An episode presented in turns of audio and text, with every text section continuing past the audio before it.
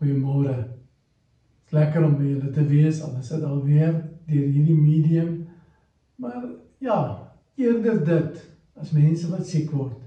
En ons dink so vandag aan soveel mense wat um, siek geword het, soveel families wat opgebreek is, soveel families wat geliefdes verloor het of wat baie lank al siek is en nog lyk baie lank siek gaan wees. Kom ons, kom ons dink aan hulle. En ons weet, dis nie net ons wat aan hulle dink nie. In Psalm 139 lees ons die volgende pragtige woorde in vers 1 en 2 en dan ook 5 tot 6. Here, U ondersoek my en U ken my. U is die een wat my sit en my opstaan ken. U verstaan van ver af wat ek in gedagte het. Van agter en van voor omsluit U my. U plaas U handpalms op my. Om dit te verstaan is te groot wonder vir my. Dit is te hoog. Ek kan dit nie begryp nie.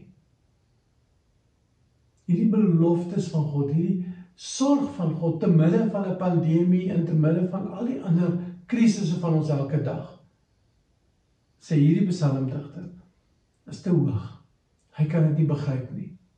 Hoeveel te meer nog ons?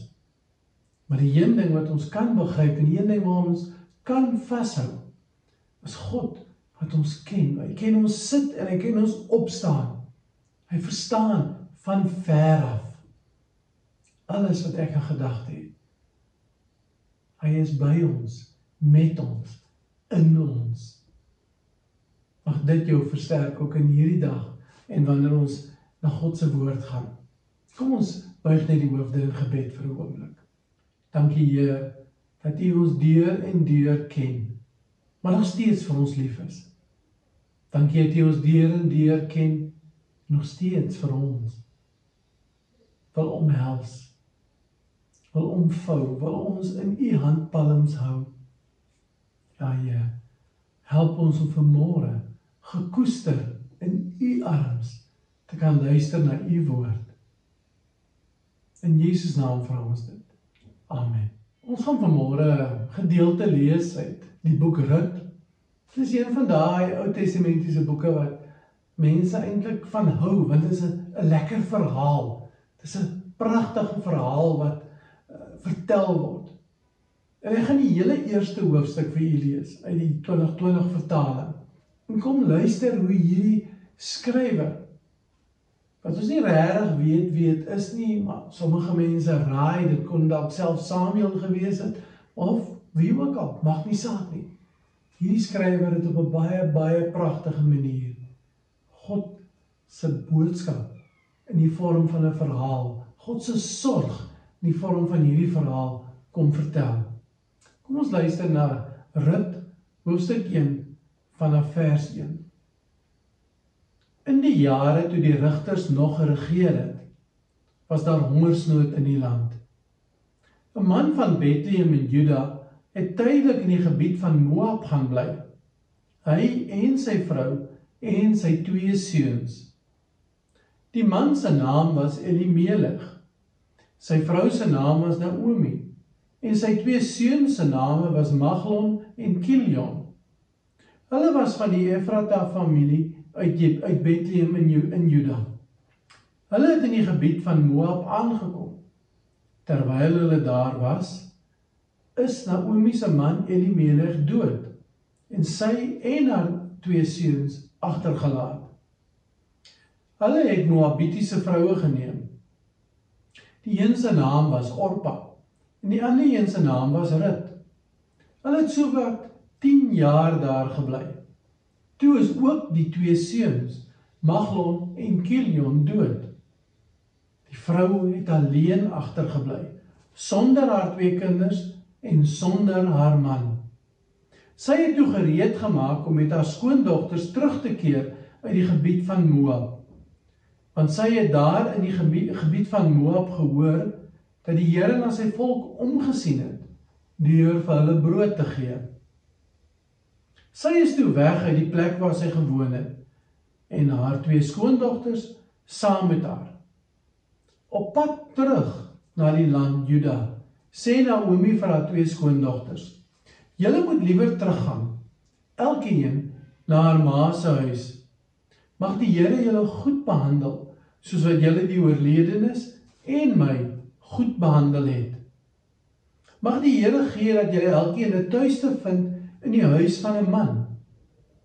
Toe het sy hulle gesoen, maar hulle het hardop begin huil en vir haar gesê: "Nee, ons wil saam met u teruggaan na u volk." En Naomi het gesê: "Draai om, my dogters. Om watter rede sal julle saam met my gaan? Is daar nog seuns in my liggaam wat vir julle mans kan word? Draai om, my dogters, gaan terug, want ek is te oud om weer te trou." Al sou ek dink daar's nog hoop vir my en selfs al sou ek reeds vandag 'n man hê, selfs aan seuns geboorte gee, sal julle vir hulle kan wag totdat hulle groot is? Sal julle om daardie rede julleself daarvan weerhou om te trou?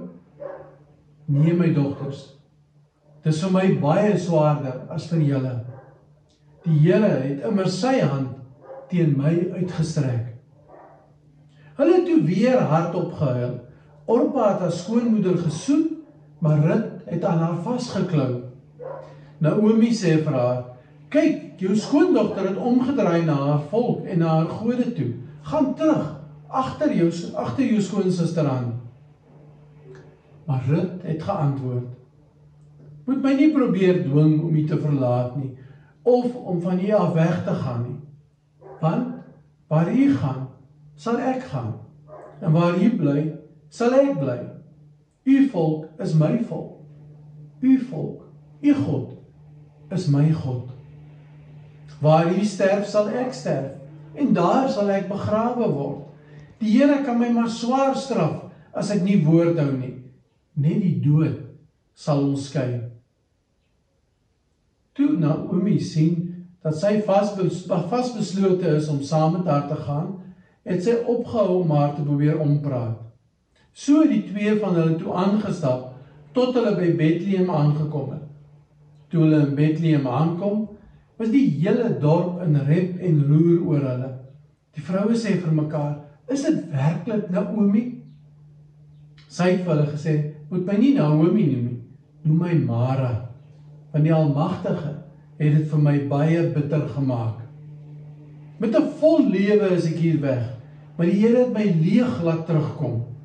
Waarom my Naomi noem terwyl die Here my teestander geword het en die Almagtige my kwaad aangedoen het. So het Naomi teruggekeer. Haar skoondogter Rut, die Moabiet, het saam met haar teruggekom uit die gebied van Moab. Hulle het in Bethlehem aangekom aan die begin van die garsoes. Ons lees net tot sover.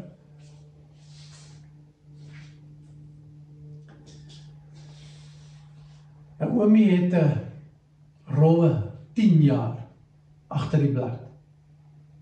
En ons gereeld hoor ek mense sê, "O, oh, wat 'n jaar het ons agter die rug."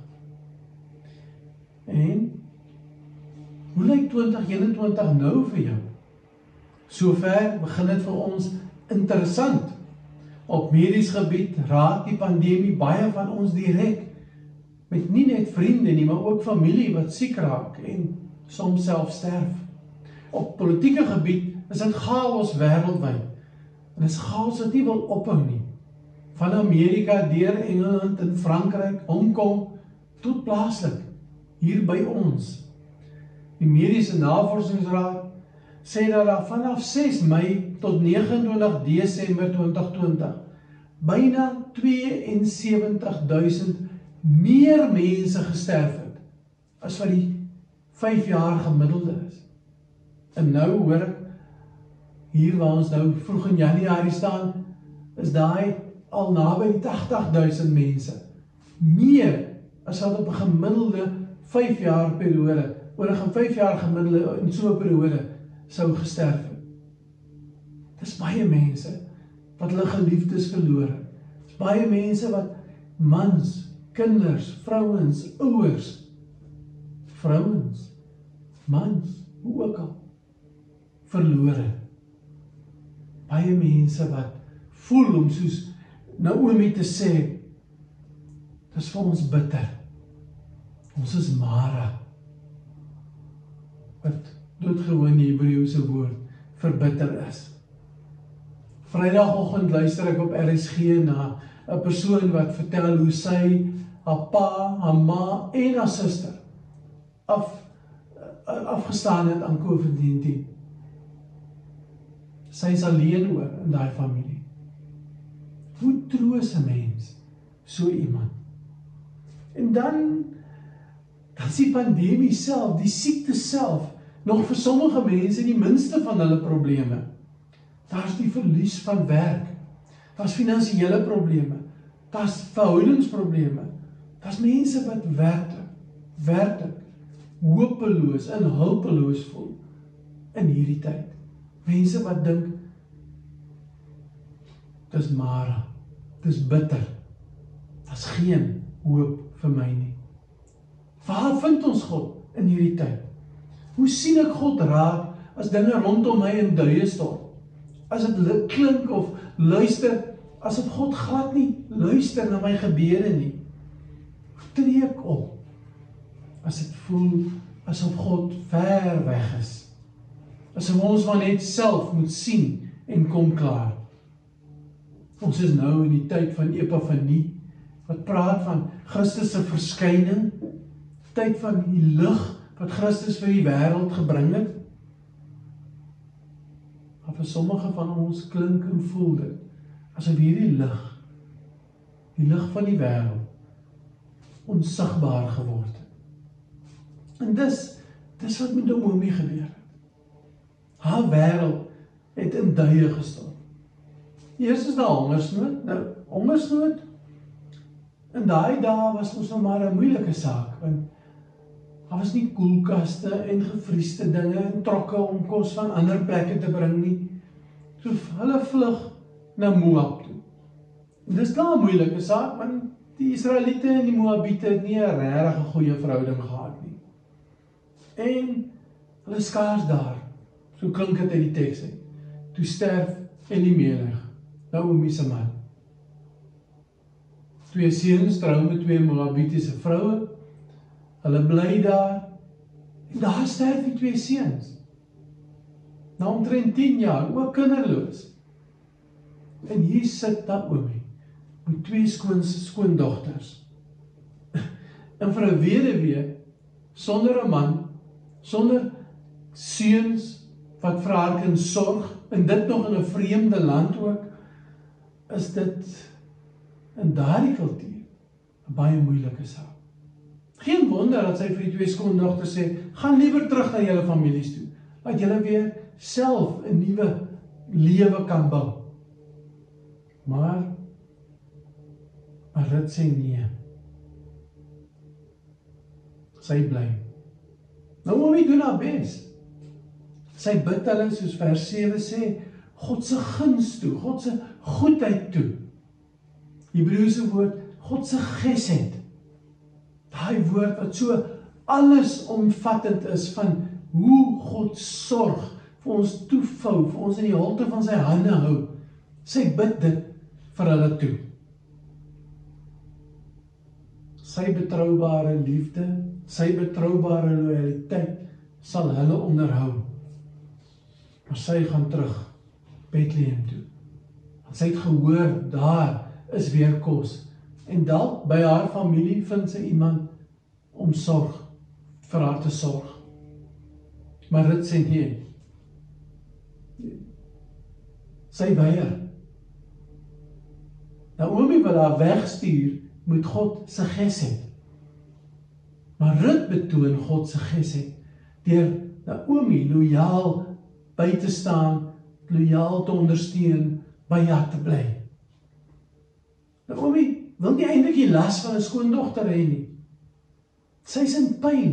Sy het 'n onseker toekoms. En jy weet, as ons nou eerlik is, is pyn maar 'n moeilike ding om te deel. Ook ons praat baie baie moeilik oor ons pyn. Ons bære dit diep weg. Ons ploeter voort. Maar pyn verdwyn nie. pyn bly. En dit kom na vore, dit beïnvloed ons in ons optrede, in ons verhoudinge met mekaar, maar ook met God. Luister maar hoe Naomi sê, maar sy sy's nou Mara, want die Here veg teen haar. Haar verhouding met God is verbreek. Naomi blameer God vir al sy verkeerd geloop het. Waar sit 'n mens? Wat doen 'n mens in 'n hopelose situasie? Wat maak 'n mens? Maar in hierdie hopelose situasie van Naomi is daar tog iemand wat omgee. Iemand wat weier om haar te los. En dis Rut. Rut wat wys hoe lyk God se gesed in praktyk. Wat wys hoe omgee en liefde lyk. Deur Rut word Naomi se pyn gedra. Deur Rut word Naomi nie alleen gelos nie. Rut word soos Tessa van Avila daar in die middeleeue al gesê God se hande en voete vir Naomi. Prakties wys hy God se gesed. Pyn, hartseer, isoleer ons, maak ons alleen. En ons het elkeen ook maar 'n rit in ons lewens nodig wat ten spyte daarvan dat ons hulle wegstoot, aanhou om God se gesed uit te leef teenoor ons. Maar nog meer is dit. Ek en jy het dalk ook nodig om 'n rit vir iemand anders te wees. Iemand anderste wat voel die lewe is hopeloos om vir iemand anderste God se gesed te wys, God se praktiese omgee, God se versorging prakties te wys, God se loyaliteit te wys. Nou ons kan dit doen. Want ons glo in Jesus wat juis by uitstek God se gesed vir ons kom wys het kom leef het met ons. God met ons. Immanuel, Jesus. Jesus wat God se hande en voete prakties vir ons geword het. En wat ons nou stuur om ook soos hy God se gesed verander te wys, om 'n rit verander te wees. Ag elkeen van ons onthou, soos vers 6 hier in ons geleesde gedeelte sê dat God tog omsien. Hy los ons nooit alleen nie. Maar mag ons ook vandag van jaar iets van daardie sorg vir mekaar wys. Mag ons werklik God se gesed vir mekaar uitleef. Mag jy in staat gestel word om dit te aanvaar van ander, maar om dit ook verander te gee. Amen. Kom ons buig weer die hoofde in gebed. Here ons sing in daai pragtige vlamlied hoe u vir ons na u beeld maak. Hoe u ons stuur soos 'n helder skitterkristal, helder lig om verander te wys. Hoe lyk hoe lyk u? U liefde, u sorg, u loyaliteit. Maar dankie Here dat ons dit kan doen omdat ons dit al reeds ontvang van u, ontvang deur Jesus en die Heilige Gees wat in ons woon en ontvang van medegelowiges wat uitreik na ons. Lief vandag vir ons in staat stel om u gesed teenoor ander uit te leef. Ons dink aan soveel mense hier in ons gemeente en in ons dorp en ons land wat werklik siek is. Wat sukkel met COVID-19 en alles wat daarmee gepaard gaan. Dankie Here vir die wat genees is. En ons dink aan hulle wat nog veg wat nog sukkel om gesond te word. Wil U ook daar volkomme genesing gee? In Jesus se naam alleen vra ons dit en groot afhanklikheid van U. Amen. Mag U werklik in hierdie dag en in hierdie week God se betroubare, getroue liefde, loyaliteit, God se gesed ervaar. Mag hy sy genade en die genade wat hy vir ons wys in Jesus Christus. Sy liefde, sy alomsomvattende teenwoordigheid. En sy daar wees elke oomblik met ons vir jou waar maak in hierdie oomblik. Mag dit met jou goed gaan in hierdie week. Totsiens.